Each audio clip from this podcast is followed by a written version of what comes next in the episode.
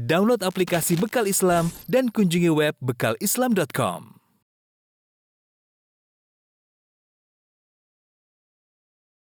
Bismillahirrahmanirrahim. Assalamualaikum warahmatullahi wabarakatuh. Alhamdulillahi ala ihsani wa syukru lahu ala taufiqihi wa amtinani wa asyhadu an la ilaha illallah wahdahu la syarika lahu ta'ziman li sya'ni wa asyhadu anna Muhammadan abduhu wa rasuluhu da'ila ridwani. Allahumma salli alaihi wa ala alihi wa ashabihi wa ikhwani.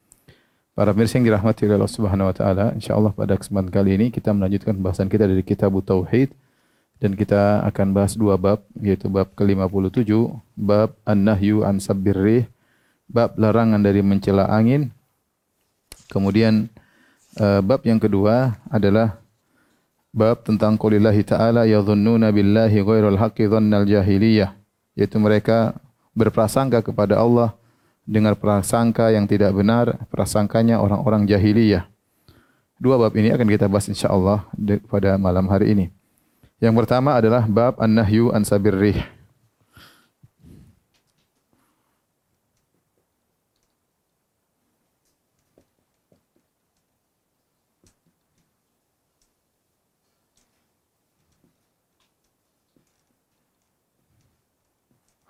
Bab larangan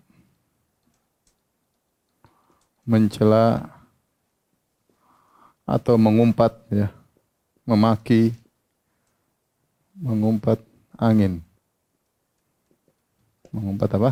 Angin. Ya.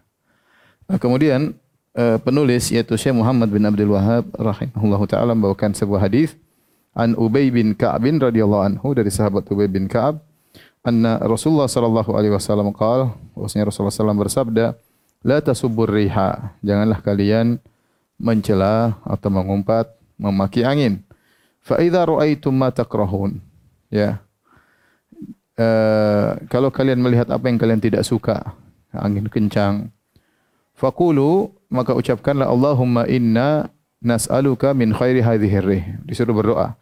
Allahumma inna nas'aluka min khairi hadhihi rih. Ya Allah, aku mohon kepada Engkau dari kebaikan angin ini, ya, dari kebaikan angin ini. Wa khairi ma fiha dan aku mohon dari kebaikan yang ada pada angin tersebut. Wa khaira wa khairi ma umirat bihi dan dari kebaikan apa yang angin tersebut diperintahkan oleh Allah Subhanahu wa taala. Wa na'udzubika min syarri hadhihi rih dan aku berlindung kepada engkau dari keburukan angin tersebut. Wa syarri ma fiha dan dari keburukan yang ada pada angin tersebut. Wa syarri ma umirat bihi dan dari keburukan apa yang diperintahkan kepada angin tersebut. Uh, ini pembahasan kita tentang larangan untuk mencela angin, ya maka ini wajar. Kenapa? Karena angin dia mudabbarah diperintahkan oleh Allah Subhanahu dia musakharah diatur oleh Allah Subhanahu wa taala. Dia tidak seperti manusia berkehendak. Dia berjalan sesuai dengan perintah Allah Subhanahu wa taala. Maka kalau kita mencela sesuatu yang seperti ini yang tidak memiliki kehendak ya, tidak uh, seperti manusia, kemudian kita cela, maka seakan-akan kita mencela yang memerintahkannya. Bukankah yang memerintahkannya adalah Allah Subhanahu wa taala? Maka dengan mencela angin secara tidak langsung kita mencela Allah. Mungkin seorang tidak bermaksud mencela Allah Subhanahu wa taala ya.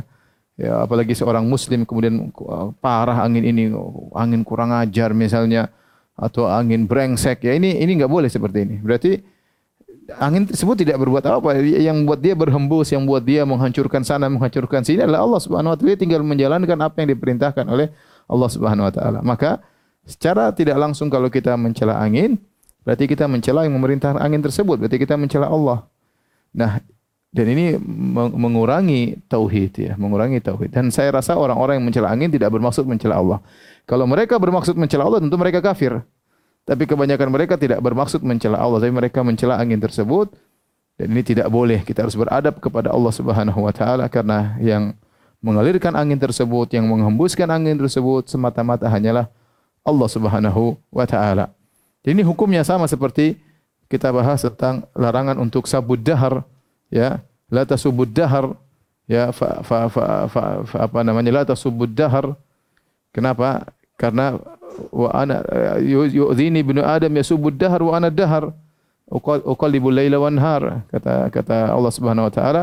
Anak Adam telah menggangguku ya de- dengan me- mencela masa. Padahal aku adalah masa aku membolak-balikan langit eh, siang atau siang dan malam ya. Karena masa tidak perlu dicela. Karena masa tempat berlakunya berbagai macam kegiatan. Kegiatan itu yang dicela bukan masanya kalau seorang mencela masa berarti dia mencela pengatur masa tersebut yaitu pengatur waktu tersebut yaitu Allah Subhanahu wa taala pengatur zaman tersebut dan ini hukumnya sama seperti mencela cuaca waduh mendung parah hujan kurang ajar misalnya atau hujan brengsek, hujan enggak berhenti-berhenti brengsek. Ini sama yang mencela Allah Subhanahu wa taala. Mencela Allah, mencela hujan, mencela uh, musim dingin, kemudian mencela musim panas, matahari. Oh, matahari kok panas banget ya. Beda kalau mengabarkan. Mengabarkan enggak ada masalah. Hari ini panas terik. Tapi kalau ada kesan mencela, tidak boleh karena kita berarti mencela yang mengatur benda-benda tersebut. Tidak ada yang mengatur langit, tidak ada yang mengatur langit, tidak ada yang mengatur matahari, tidak ada yang mengatur angin kecuali Allah semata. Ya. Seandainya ada yang mengatur selain Allah ya mungkin boleh kita cela, tapi yang mencela adalah yang yang mengatur semata-mata hanyalah Allah. Jadi saya ulangi hukum mencela angin sama seperti mencela hujan sama seperti mencela panas sama mencela matahari, mencela musim dingin ini semua sama, sama dengan mencela masa, mencela zaman. Ya. Uh, kita bahas di sini. Jadi hukum mencela angin ya sama dengan mencela mencela apa sih tadi hujan kemudian apa? E, panas matahari kemudian cuaca kemudian zaman ya. Musim ya. Musim. Kenapa? Karena tidak ada yang mengaturnya. Tidak ada yang mengaturnya kecuali Allah. Melainkan Allah berarti mencela hal-hal tersebut seakan-akan mencela pengaturnya ya. Mencela hal-hal ini mencela hal-hal tersebut ya secara tidak langsung. Mencela pengaturnya. Mencela pengaturnya yaitu Allah Subhanahu wa taala. Jadi kita disuruh beradab ya, terhadap Allah Subhanahu wa taala. Tapi para pemirsa yang dirahmati oleh Allah Subhanahu wa taala, kita bicara tentang angin. Ar-rih. Angin udara. Angin itu ibarat dari udara. Udara ada ya. Udara ya. Sebenarnya udara ini atau angin ini memiliki banyak fungsi. Terkadang dia berfungsi untuk membinasakan suatu kaum, terkadang dia banyak bawa rahmat, banyak sekali. Angin ya. Lihat. Ada angin ya. Uh, contohnya rahmat ya. Rahmat bagi manusia.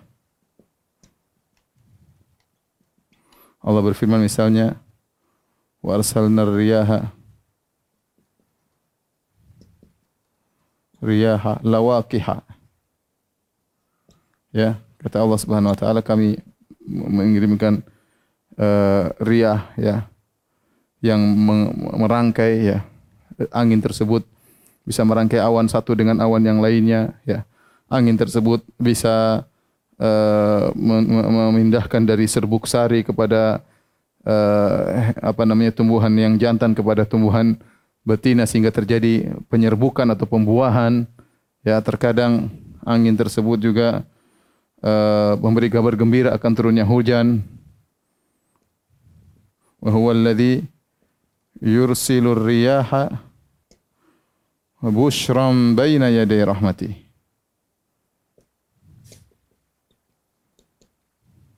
kata Allah Subhanahu wa taala dan dialah dialah Allah yang telah mengutus atau mengirim angin ya mengirim angin bushram baina yaday rahmati. Bushram baina yaday rahmati maksudnya memberi kabar gembira akan turunnya hujan ya akan turunnya hujan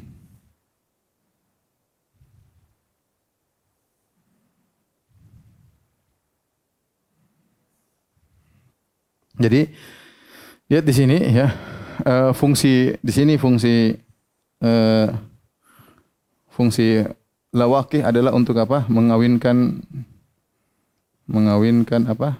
Uh, serbuk sari dan macam-macamnya ya. tumbuh-tumbuhan yang ini wa alladhi yursilur riyaha busyran baina sebagai kabar gembira kabar gembira maksudnya akan turun hujan akan segera turun hujan.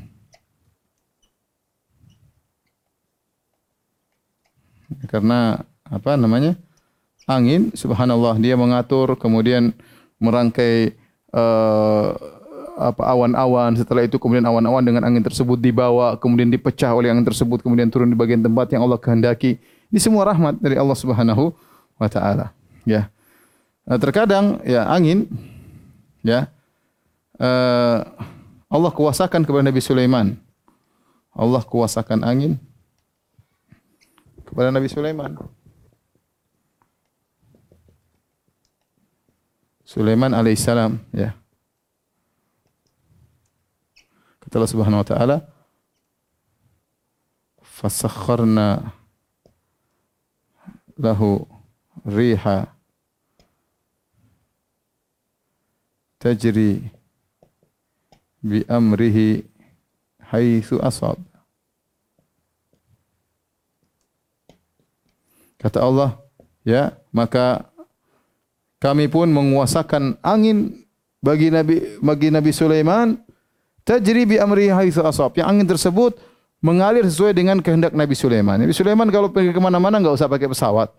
Ya, enggak usah pakai mobil, dia tinggal ambil permadani, taruh di angin kemudian dia berangkat di atas angin tersebut. Luar biasa ya. Siapa yang bikin itu semua? Allah Subhanahu wa taala. Berarti angin ada fungsinya. Ada fungsinya. Kemudian di antaranya juga ya Allah Subhanahu wa taala menjadikan angin sebagai angin sebagai tentara Allah. Tentara Allah untuk membinasakan kaum. Tentara Allah. Allah Subhanahu wa taala berfirman di antaranya, "Ya ayyuhalladzina amanu dzkuru ni'matallahi 'alaikum idz ja'atkum junudun fa arsalna 'alaihim rihan wa junudan lam tarauha." Ya. Kata Allah Subhanahu wa taala, "Fa arsalna 'alaihim rihan wa junudan lam tarauha." Wahai orang yang beriman, Ingatlah nikmat yang Allah berikan kepada kalian tatkala datang musuh mengepung kalian. Ya, ya musuh maksudnya junud pasukan tatkala perang Khandaq yang datang mengepung kota Madinah dengan jumlah 10 ribu mengepung kota Madinah. Kata Allah, "Farsalna alaihim rihan," maka kami kirim angin kepada mereka. Subhanallah angin tersebut memporak-porandakan kaum Quraisy tatkala itu. Berarti ini tentara Allah untuk menghancurkan musuh-musuh Allah. Contohnya lagi Nabi SAW Eh, dalam Al-Quran juga Allah menyebutkan bagaimana angin menghancurkan kaum Ad dalam banyak ayat. Farsalna alaihim rihan sorsoran. Ya. Ya. Idh arsalna alaihim rihal aqim. Ya. Ma tadharu min syai'in atat alaihi ila ja'alatu karrah, karramim. Ya banyak sekali ya Allah sebutkan di antaranya uh, apa namanya rihan sorsoran ya. Fi yaumin nahsin mustamir. yaitu angin untuk menghancurkan kaum Ad. Angin menghancurkan kaum Ad.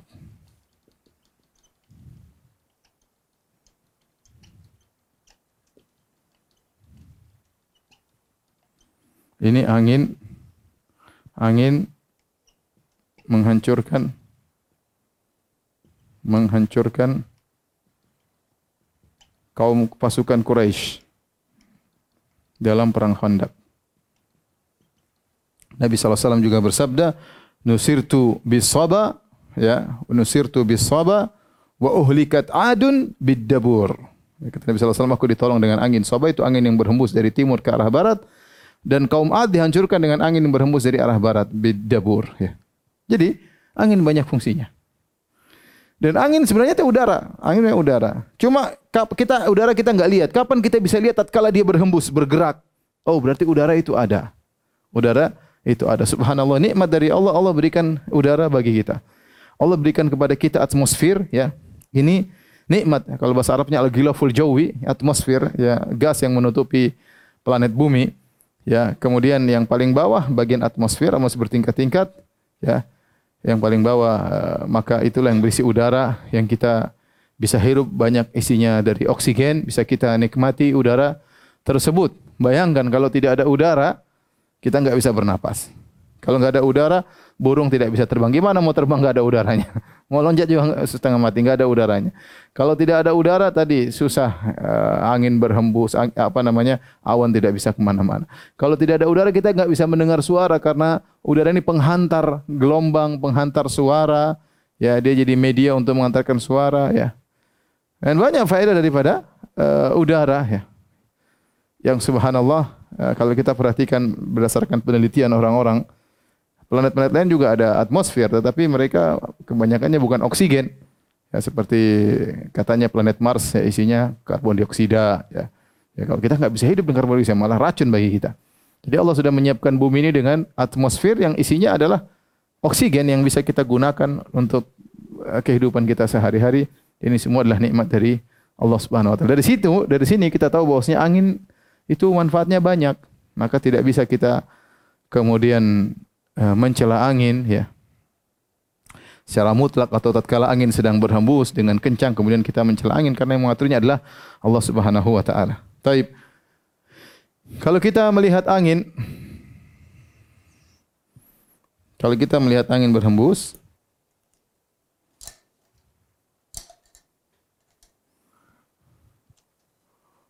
kalau jadi hukum berdoa tatkala melihat angin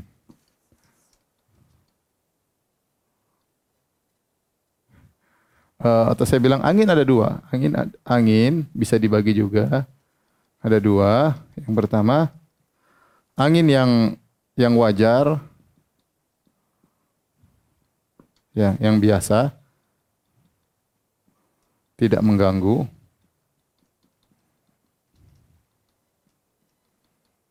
Kemudian angin yang kencang.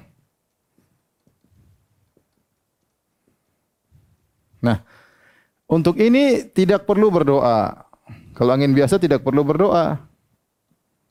Ya. Adapun angin yang kencang, maka ini yang dianjurkan dianjurkan untuk berdoa.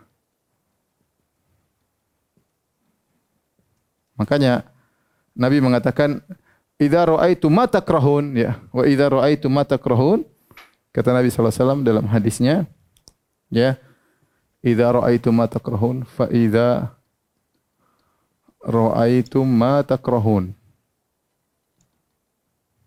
Yaitu jika kalian melihat apa yang kalian tidak suka, yaitu angin yang kencang.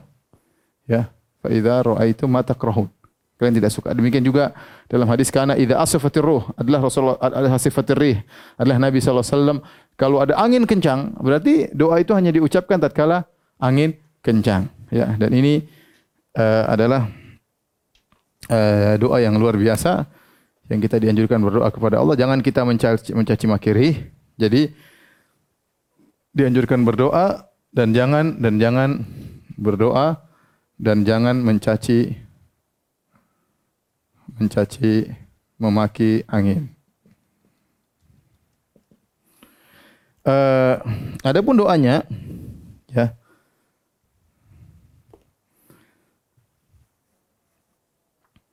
Adapun doanya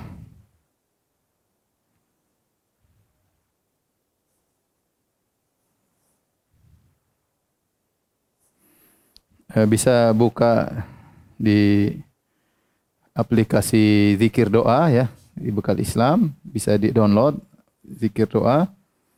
Maka ada dua doa di situ yang diajarkan ya. Pertama yang singkat Allahumma inni as'aluka khairaha wa a'udzubika min syarriha. Ya Allah aku mohon kepada engkau kebaikan angin tersebut. Dan aku berlindung kepada engkau dari keburukan angin tersebut ya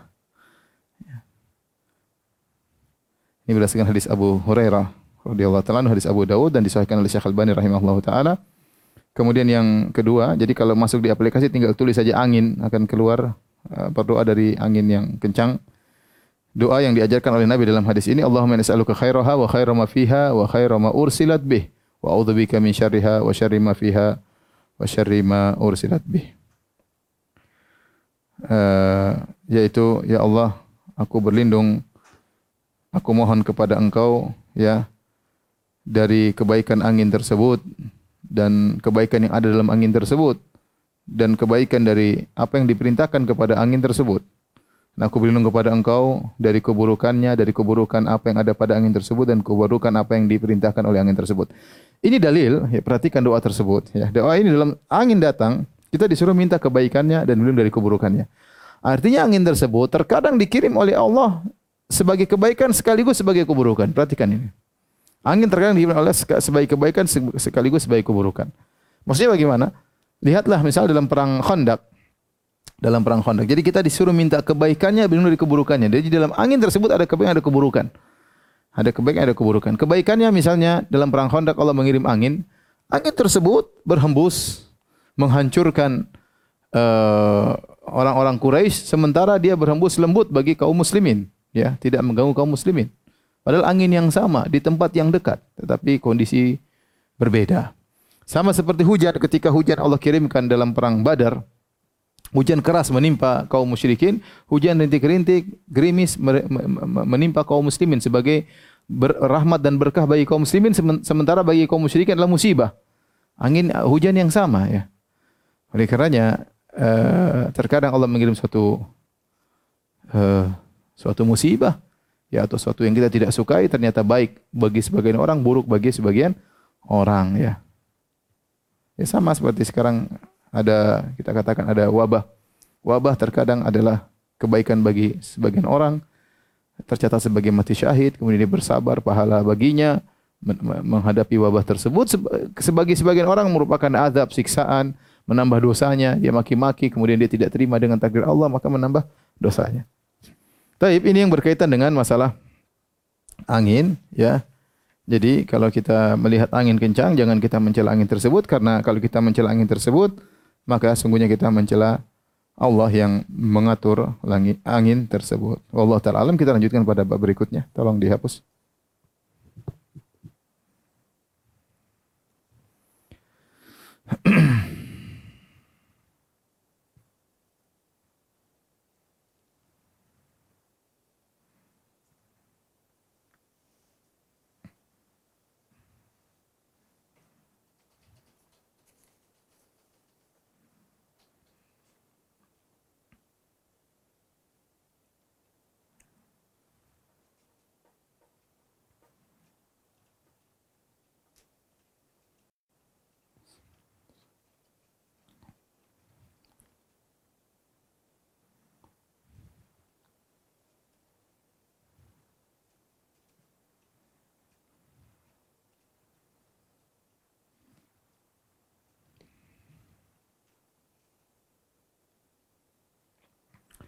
Tapi bab berikutnya bab berprasangka buruk kepada Allah Subhanahu wa taala. Bab 58 Bab tentang firman Allah Subhanahu wa taala yadhunnuna billahi ghairal haqqi dhannal jahiliyah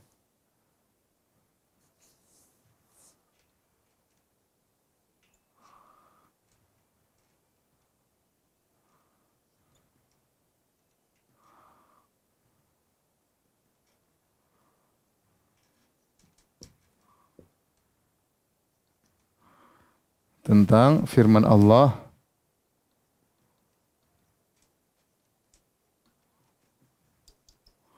Mereka ya dzunna billahi ghairal haqqi dzanal jahiliyah. Itu mereka orang-orang munafik. Itu dalam kurung orang-orang munafik. Berprasangka kepada Allah dengan persangkaan buruk. Berprasangka kepada Allah dengan prasangka buruk.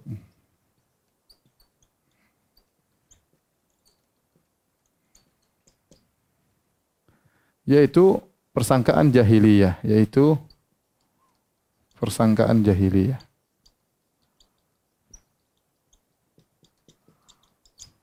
Ya. Persangkaan jahiliyah.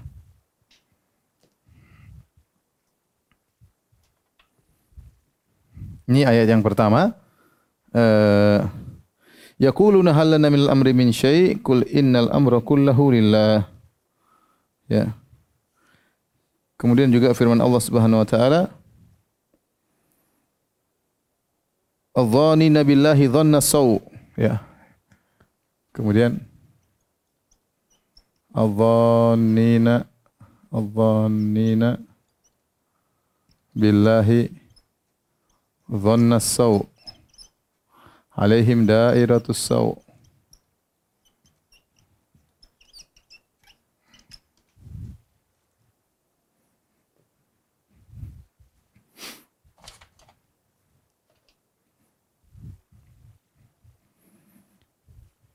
yaitu ya orang-orang yang yang berprasangka buruk berprasangka buruk kepada Allah buruk kepada Allah bagi mereka giliran yang buruk ya dan seterusnya e, dua ayat Allah sebutkan satunya dalam surat Al-Imran kemudian yang satunya dalam surat Al-Fatah perhatikan di sini Allah menamakan dengan Idzan billahi ghairul haq. Persangkaan yang salah. Yang kedua, persangkaan jahiliyah. Yang ketiga, dhanna saw, persangkaan buruk. Ya. Jadi uh, apa namanya? persangkaan yang tidak benar. Ya, dengan persangkaan ghairul haq yaitu persangkaan yang tidak benar.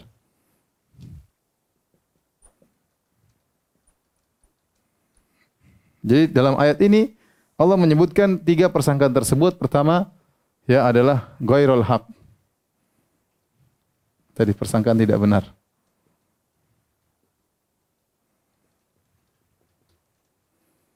Kemudian Allah menamakan juga dhannal jahiliyah. Dhannal jahiliyah, persangkaan jahiliyah.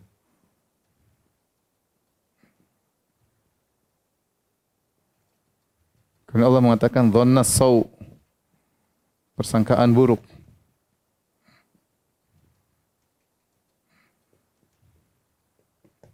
Apa maksud dari tiga ini? Kata para ulama tiga ini sama semuanya. Ini sama dengan, enggak ada bedanya. Ini sama ini sama dengan sama ini.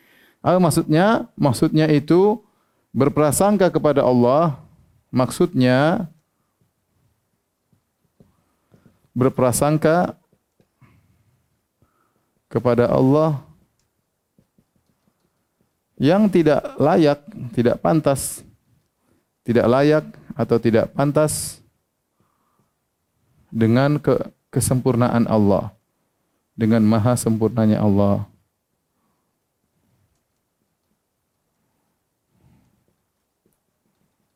Nah, ini dilarang dalam syariat. Kita tidak boleh berprasangka buruk kepada Allah Subhanahu wa taala dalam segala hal. Tidak boleh kita berprasangka buruk kepada Allah Subhanahu wa taala dan di antara ibadah adalah berprasangka baik kepada Allah Subhanahu wa taala. Adapun ayat yang pertama, yadhunna billahi ghairal haqqi dhannal jahiliyah yaquluna hal lana minal amri min syai' qul innal amra kulluhu lillah.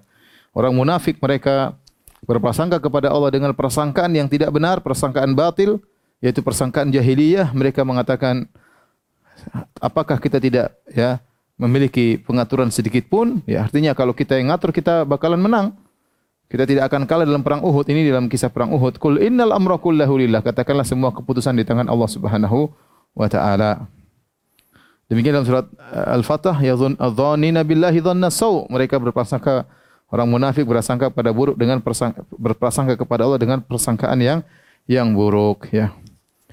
Uh, Ibnu Qayyim rahimahullahu taala tatkala menyebutkan prasangkaan buruk kepada Allah Subhanahu wa taala. Beliau menyebutkan penjelasan yang sangat panjang yang dinukil oleh Syekh Muhammad bin Wahab dalam kitab Tauhid dengan disingkat ya. Disingkat tapi sebenarnya itu disampaikan oleh Ibnu Qayyim dengan perkataan yang sangat panjang dalam kitabnya Zadul Ma'ad ya tatkala beliau menjelaskan tentang faedah-faedah dari uh, Ghazwat Uhud. Beliau menyebutkan contoh-contoh dari persangkaan buruk kepada Allah Subhanahu wa taala. Itu tidak pantas bagi kita untuk berprasangka buruk kepada Allah Subhanahu wa taala. Kuncinya agar kita tidak berprasangka buruk kepada Allah Subhanahu wa taala, kita harus yakin bahwasanya Allah Maha sempurna, ya. Kuncinya kunci kunci agar tidak berprasangka buruk kepada Allah buruk kepada Allah maka harus yakin akan maha sempurna Allah. Akan maha sempurna Allah. Yaitu Allah maha melihat, maha melihat, maha mengetahui, ya, maha mendengar dan lain-lain. Di antaranya yang penting, di antaranya yang sangat penting, yang sangat penting adalah Allah maha hikmah, maha hikmah atau bijak, atau bijak. Dalam Al-Quran Allah banyak mengatakan wahwal azizul hakim. Di antara nama Allah al hakim ini nama Allah nama Allah. Ya wahwal di sini al hakim yaitu yang maha bijak yang maha di antaranya maknanya yang maha bijak. Enggak mungkin Allah melakukan suatu mentakdirkan suatu di alam semesta tanpa perhitungan tanpa mentakdirkan tanpa mengetahui tujuan. Enggak mungkin karena Allah maha al hakim Allah maha bijak. Nah ini kalau kita sudah yakin dengan hal ini, ya Allah adalah Al-Hakim, maka kita tidak akan berprasangka buruk kepada Allah. Karena kita tahu Allah akan, Allah akan meletakkan sesuatu pada tempatnya.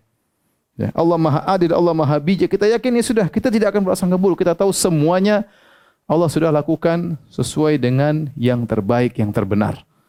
Karena dia yang maha mengetahui segalanya. Dan dia yang maha bijak dalam meletakkan sesuatu pada tempatnya. Dalam memutuskan segala sesuatu, Allah maha bijak. Allah maha bijak. Ya, terkadang tatkala terjadi sesuatu kita tidak tahu hikmahnya. Tapi kita yakin Allah Maha bijak. Kenapa? Kita kita tidak tahu hikmahnya. Padahal Allah mengatakan walillahi hikmatun balighah. Kata Allah Subhanahu wa taala, walillahi hikmatun balighah.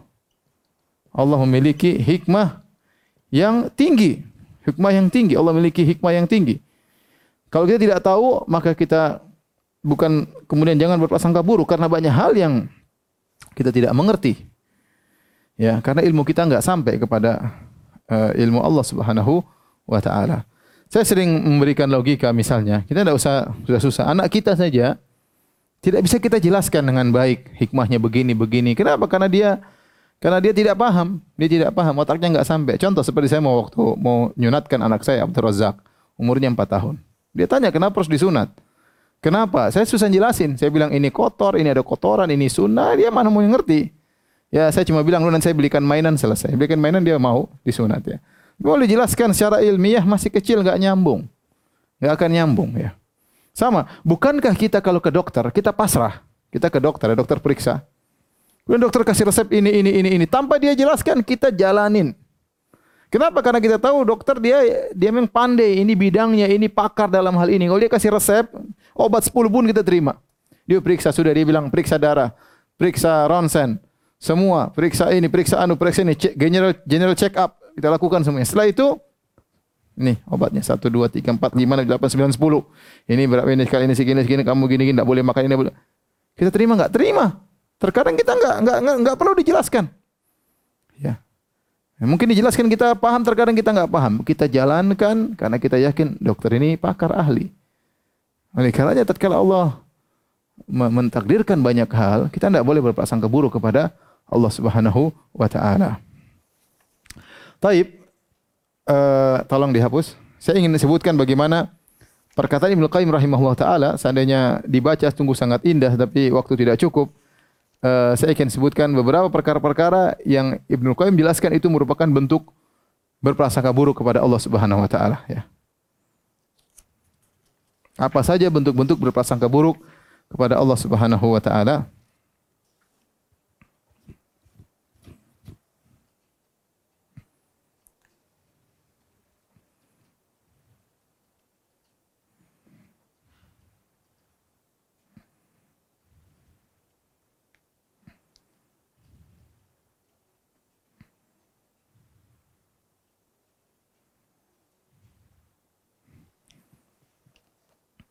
Dalam kitab Zadul Ma'ad ya jilid ketiga Ibnu Qayyim tatkala membicarakan tentang faedah dari uh, Ghazwatul Uhud ya Ibnu Qayyim menyebutkan tentang beberapa model-model berprasangka buruk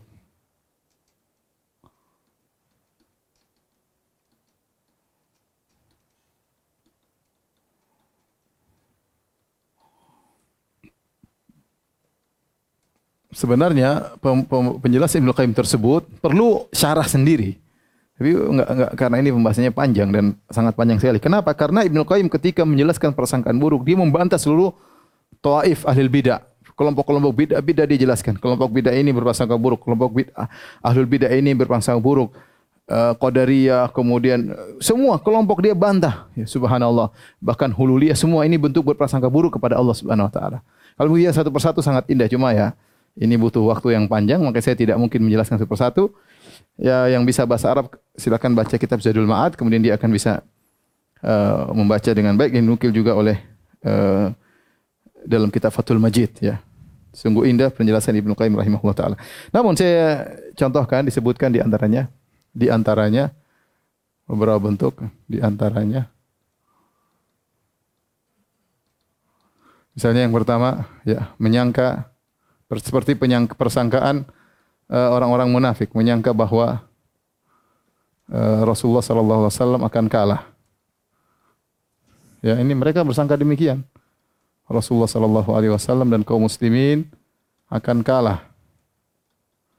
Ya atau berprasangka misalnya Islam ya akan sirna. Atau berprasangka bahwasanya kesyirikan akan unggul selama-lamanya akan unggul selama-lamanya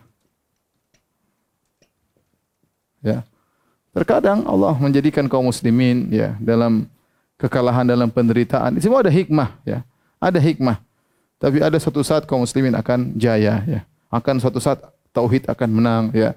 Jadi mau saya tidak boleh kita suudzon kepada Allah. Ya namanya sekarang kita mungkin dalam di masa fitnah, di masa jaya, eh, di masa ujian ya, tapi tidak boleh kita berprasangka buruk kepada Allah. Contoh lagi misalnya menyangka menyangka Allah berbuat tanpa tujuan. Dan ini adalah orang-orang Asy'ariyah. Mereka menafikan ta'lil af'alillah. Kata mereka Allah berbuat tanpa tujuan. Allah mau begini-begini terserah Allah Subhanahu wa taala. Ini tidak benar. Gimana kita mengatakan Allah berbuat tanpa tujuan? Ya, enggak, mungkin. Kita Allah Maha Maha berilmu, Allah mentakdirkan dan Allah melakukan semua pasti dengan tujuan. Enggak mungkin tanpa tujuan. Ini bantahan terhadap Asy'ariyah bahasanya sudah pernah kita bahas dalam syarah akidah wasitiyah tentang sifat al-hikmah. Saya tidak bisa ulang lagi karena panjang sekali. Tapi ini adalah antara akidahnya Asy'ariyah menyangka Allah berbuat tanpa tujuan. Dan ini parah ya. Kemudian uh, yang kelima misalnya menyangka menyangka Allah tidak akan membangkitkan manusia. Manusia untuk meminta pertanggungjawaban. Tidak mungkin. Cuma menyangka ah, masa enggak masa apa ada hari kebangkitan? Kita bilang kalau anda menyangka tidak ada hari kebangkitan, anda suudzon kepada Allah. Tidak usah jauh-jauh kita saja di perusahaan. Kalau jadi bos, anak buah kita melakukan kesalahan, kita biarin aja, kita berarti enggak beres. Itu bos enggak beres, anak buah kacau di bawah, dia tidak menghakimi, dia tidak menentukan mana yang salah, mana yang benar. Itu bos bahlul seperti itu. Bagaimana dengan Allah Subhanahu wa taala telah menciptakan kita semuanya kemudian dibiarkan begitu saja Mau yang yang zalim membunuh yang ini yang merampas kemudian tidak dibangkitkan tidak minta pertanggungjawaban. Itu berarti suudzon kepada Allah Subhanahu wa taala. Sebagaimana suudzonnya orang-orang musyrikin yang mereka menyangka bahwasanya Allah tidak akan membangkitkan uh, uh, manusia. Ya contoh misalnya uh, tatkala dikasih kesusahan maka berprasangka buruk. Ya menganggap ya kisahan misalnya miskin dan lain-lain kemudian berkata kenapa saya diginikan oleh Allah? Kenapa Allah membeginikan saya ya membuat saya begini Mama ini ini ini tidak boleh ini suudzon suudzon kepada Allah bukan berarti kalau Allah kasih harta berarti Allah memuliakan kalau harta adalah ukuran kemuliaan, maka orang kafir semua mulia. Fir'aun dulu mulia. Ya. Namrud dulu mulia, menguasai dunia. Ya. ya. Tidak ukuran harta. Ya. Artis-artis para tukang maksiat kemudian mulia. Tidak. Anda tatkala dikasih kesusahan bukan berarti Allah berarti anda ya Allah tidak kenapa kenapa saya diginikan oleh Allah Subhanahu wa taala tidak boleh. Ya. Atau misalnya di antara prasangka buruk menghadapi menghadapi pandemi misalnya kemudian berkata, "Kenapa Allah bikin wabah ya? Kenapa Allah kirim wabah?" Misalnya. Ini bentuk suudzon kepada Allah ya. Seharusnya tidak begini misalnya, seharusnya tidak begini. Seharusnya tidak begini. Ya. Ini ini ini semua bentuk suudzon ya. Kenapa? Kenapa Allah ciptakan iblis? Seharusnya enggak perlu pakai iblis. Loh, ente siapa ente? Ente suudzon kepada seakan-akan Allah menciptakan iblis berarti Allah tidak mengerti. Seakan-akan Allah tidak mengerti sisi yang baik, kemudian engkau makhluk Allah tahu sisi yang baik yang harusnya dilakukan harusnya begini-begini. Ini bentuk suudzon kepada Allah Subhanahu wa taala ya.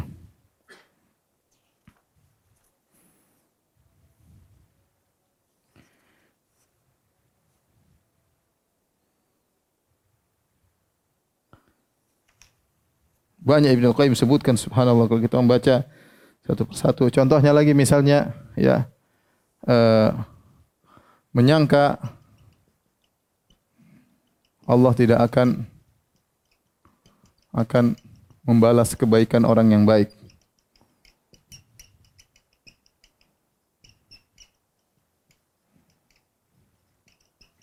Ya. Di dunia. Apalagi di akhirat apalagi di akhirat. Jadi di antara bentuk suudzon kepada Allah, kita menyangka kalau kita berbuat baik hanya dibalas di akhirat. Ini suudzon. Ya. Inna Allah la yudhi ajral muhsin. Allah tidak akan menyanjakan perbuatan baik. Allah sebutkan dalam contoh Allah tolong Nabi ini, Nabi ini, Nabi Yusuf. Mereka berbuat baik.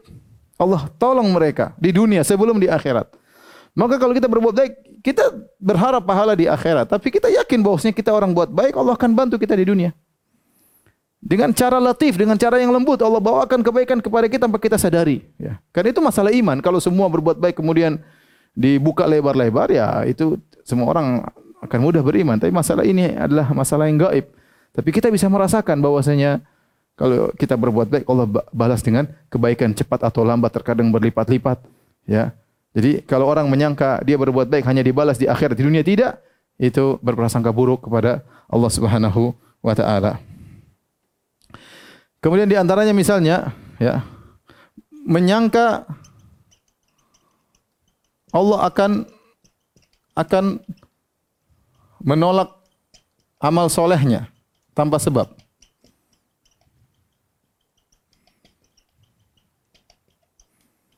Ini juga berasa, aduh saya tidak terima oleh Allah. Ya, ini enggak benar. Ya kita sudah beramal soleh, kita berusaha, kita tidak memastikan kita pasti diterima, tapi kita husnuzon.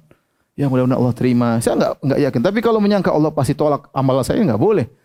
Kecuali kalau kita riak ya, mungkin kita bilang ya Allah tolak. Tapi kita kita berusaha. La yukallifullahu nafsan illa wusa. Allah tidak membebani luar kemampuan seseorang. Orang sudah berusaha. Masa Allah tolak ya? Sudah beramal ini, sudah beramal sini ya. Kemudian uh, apa namanya? Allah Allah tolak dan Allah tidak terima amal seseorang ya. Misalnya juga ke-10 prasangka Allah tidak menerima taubat.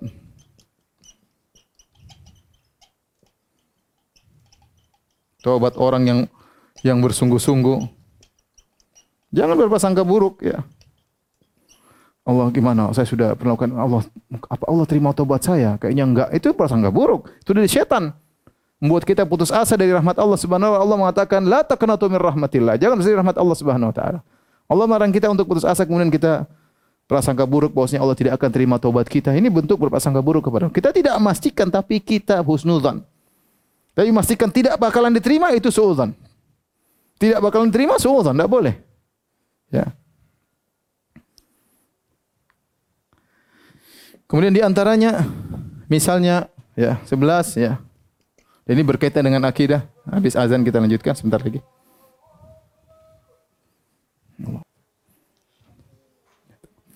Di antara bentuk berprasangka buruk kepada Allah Subhanahu wa taala uh, misalnya menyatakan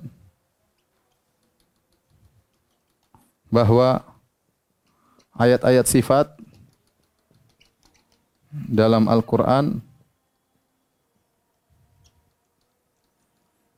dan juga hadis-hadis sifat yang begitu banyak zahirnya adalah adalah kufur, syirik, tasbih, ya. Sebagaimana perkataan para penolak sifat.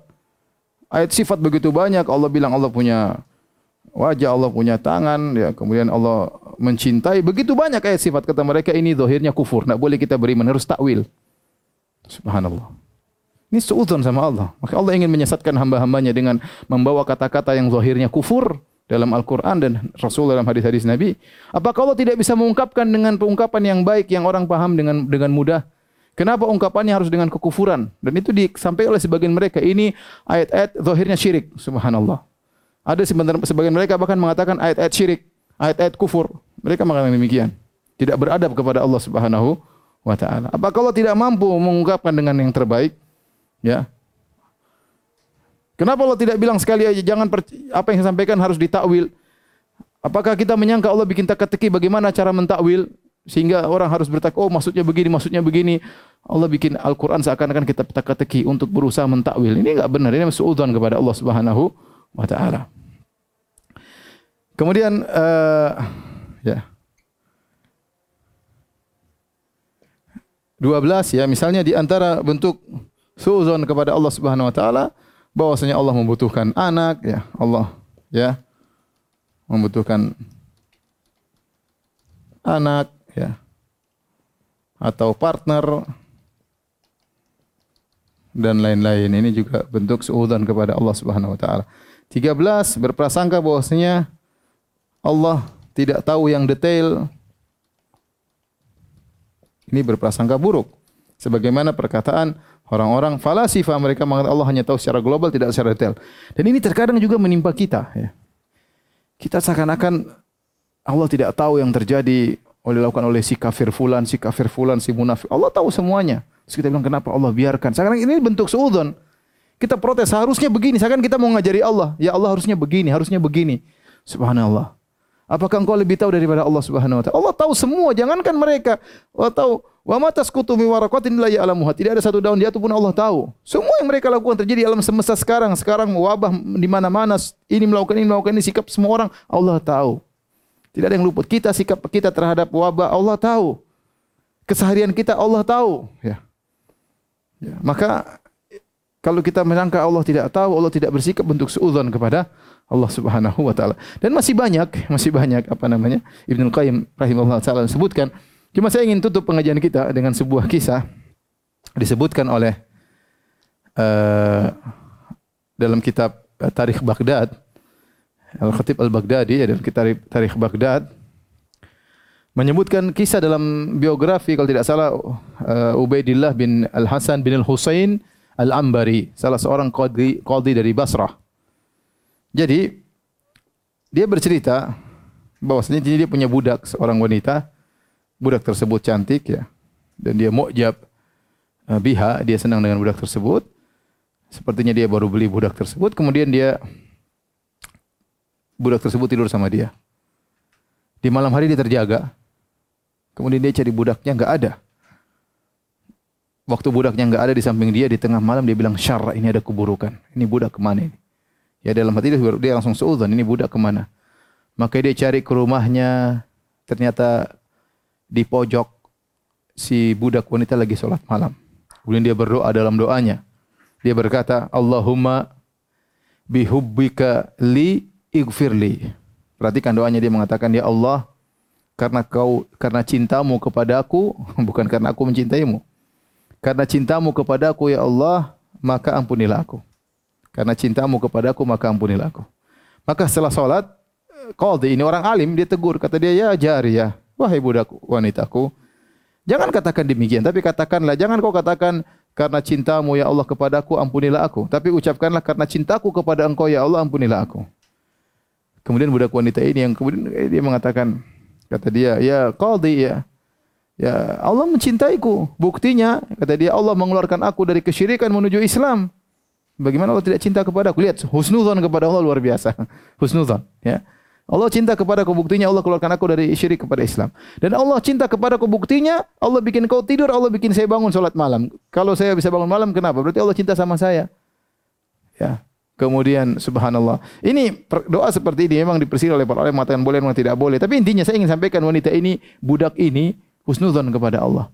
Ya. Eh, Kita tidak bisa memastikan Allah cinta kepada kita ya, ya, tapi tanda-tanda banyak. Misalnya seorang diberi taufik oleh Allah berbakti kepada orang tuanya banyak orang pelit sama orang tuanya tidak berbakti sama orang tuanya. Berarti kan ini Allah sayang sama dia.